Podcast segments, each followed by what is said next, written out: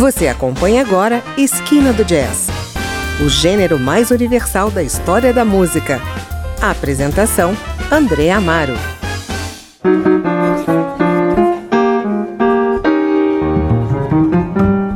Olá, o Esquina do Jazz faz hoje uma homenagem ao pianista americano Chick Corea, que faleceu na primeira quinzena de fevereiro de 2021, aos 80 anos, deixando um legado de belas performances e contribuições significativas para o jazz fusion e o jazz tradicional. E para render essa homenagem, eu escolhi para o programa de hoje algumas faixas do seu álbum duplo intitulado Trilogia número 2, que foi indicado ao Grammy 2021. Korea já tinha recebido um Grammy pelo seu álbum Trilogia de 2014 quando começou a sua parceria com dois grandes músicos, o baixista Christian McBride e o baterista Brian Blade, vencedores em suas respectivas especialidades do prêmio concedido pela revista Downbeat. Korea, McBride e Blade recriam 12 temas nesse álbum duplo. Escolhi composições de Chick Corea, claro, mas também de Thelonious Monk, Joy Henderson e Irving Berlin, interpretadas por esse trio impecável é de Irving Berlin, a faixa de abertura de trilogia número 2, o stand How Deep is the Ocean, com delicada introdução arpejada por Chick Corea de mais de dois minutos, seguida de uma sessão rítmica calorosa e com realce para um solo fora de série do baixista McBride. Em seguida, vamos ouvir uma recriação hipnótica de 500 Miles High, originalmente gravada em 1972 pela primeira formação do seu conjunto fusionista Return to Forever. E para terminar o bloco, vamos com a balada inesquecível Crepuscle with Nelly, que Thelonious Monk compôs para sua mulher.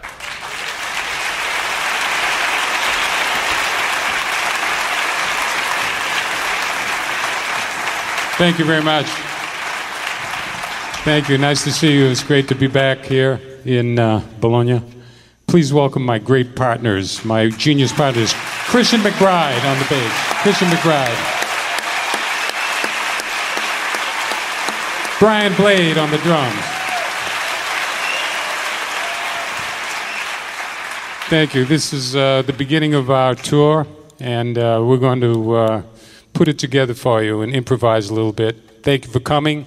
I hope you enjoy the trio.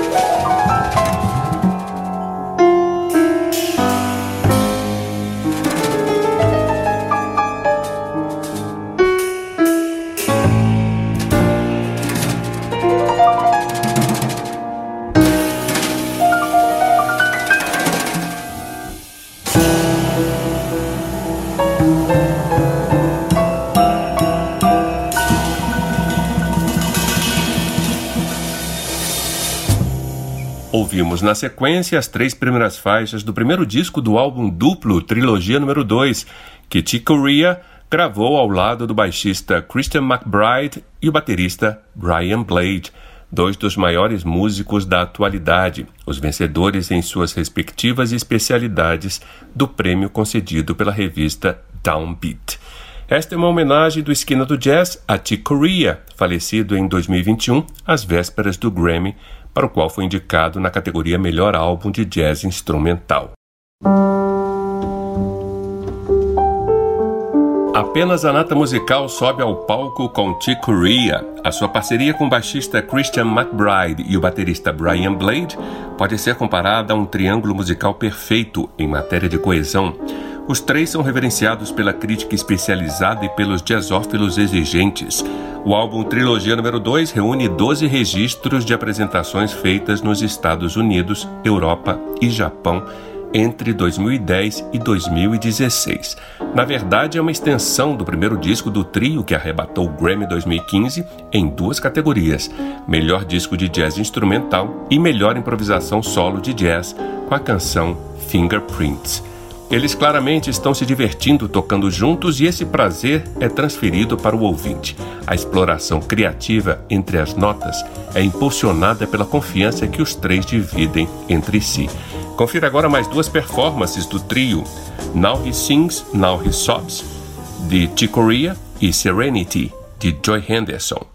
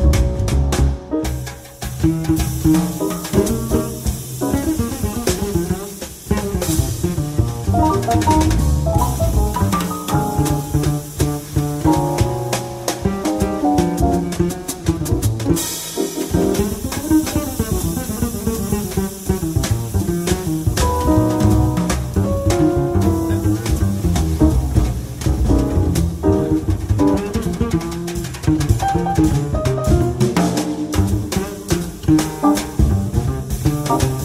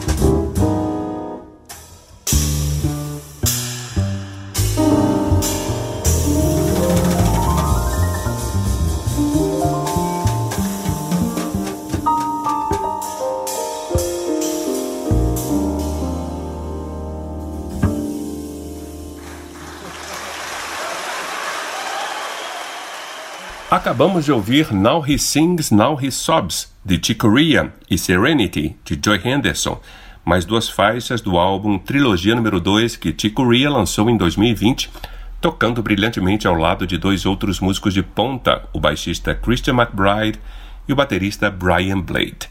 Essa foi a homenagem do Esquina do Jazz a Chick Corea, que nos deixou no começo de fevereiro de 2021.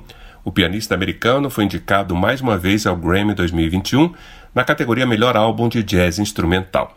Eu sou André Amaro e vou ficando por aqui. Para conhecer outras edições do programa, basta acessar a página da Rádio Câmara no nosso site câmara.leg.br. Quero encontrar você no próximo fim de semana para mais uma sessão de jazz. Até lá! Você ouviu Esquina do Jazz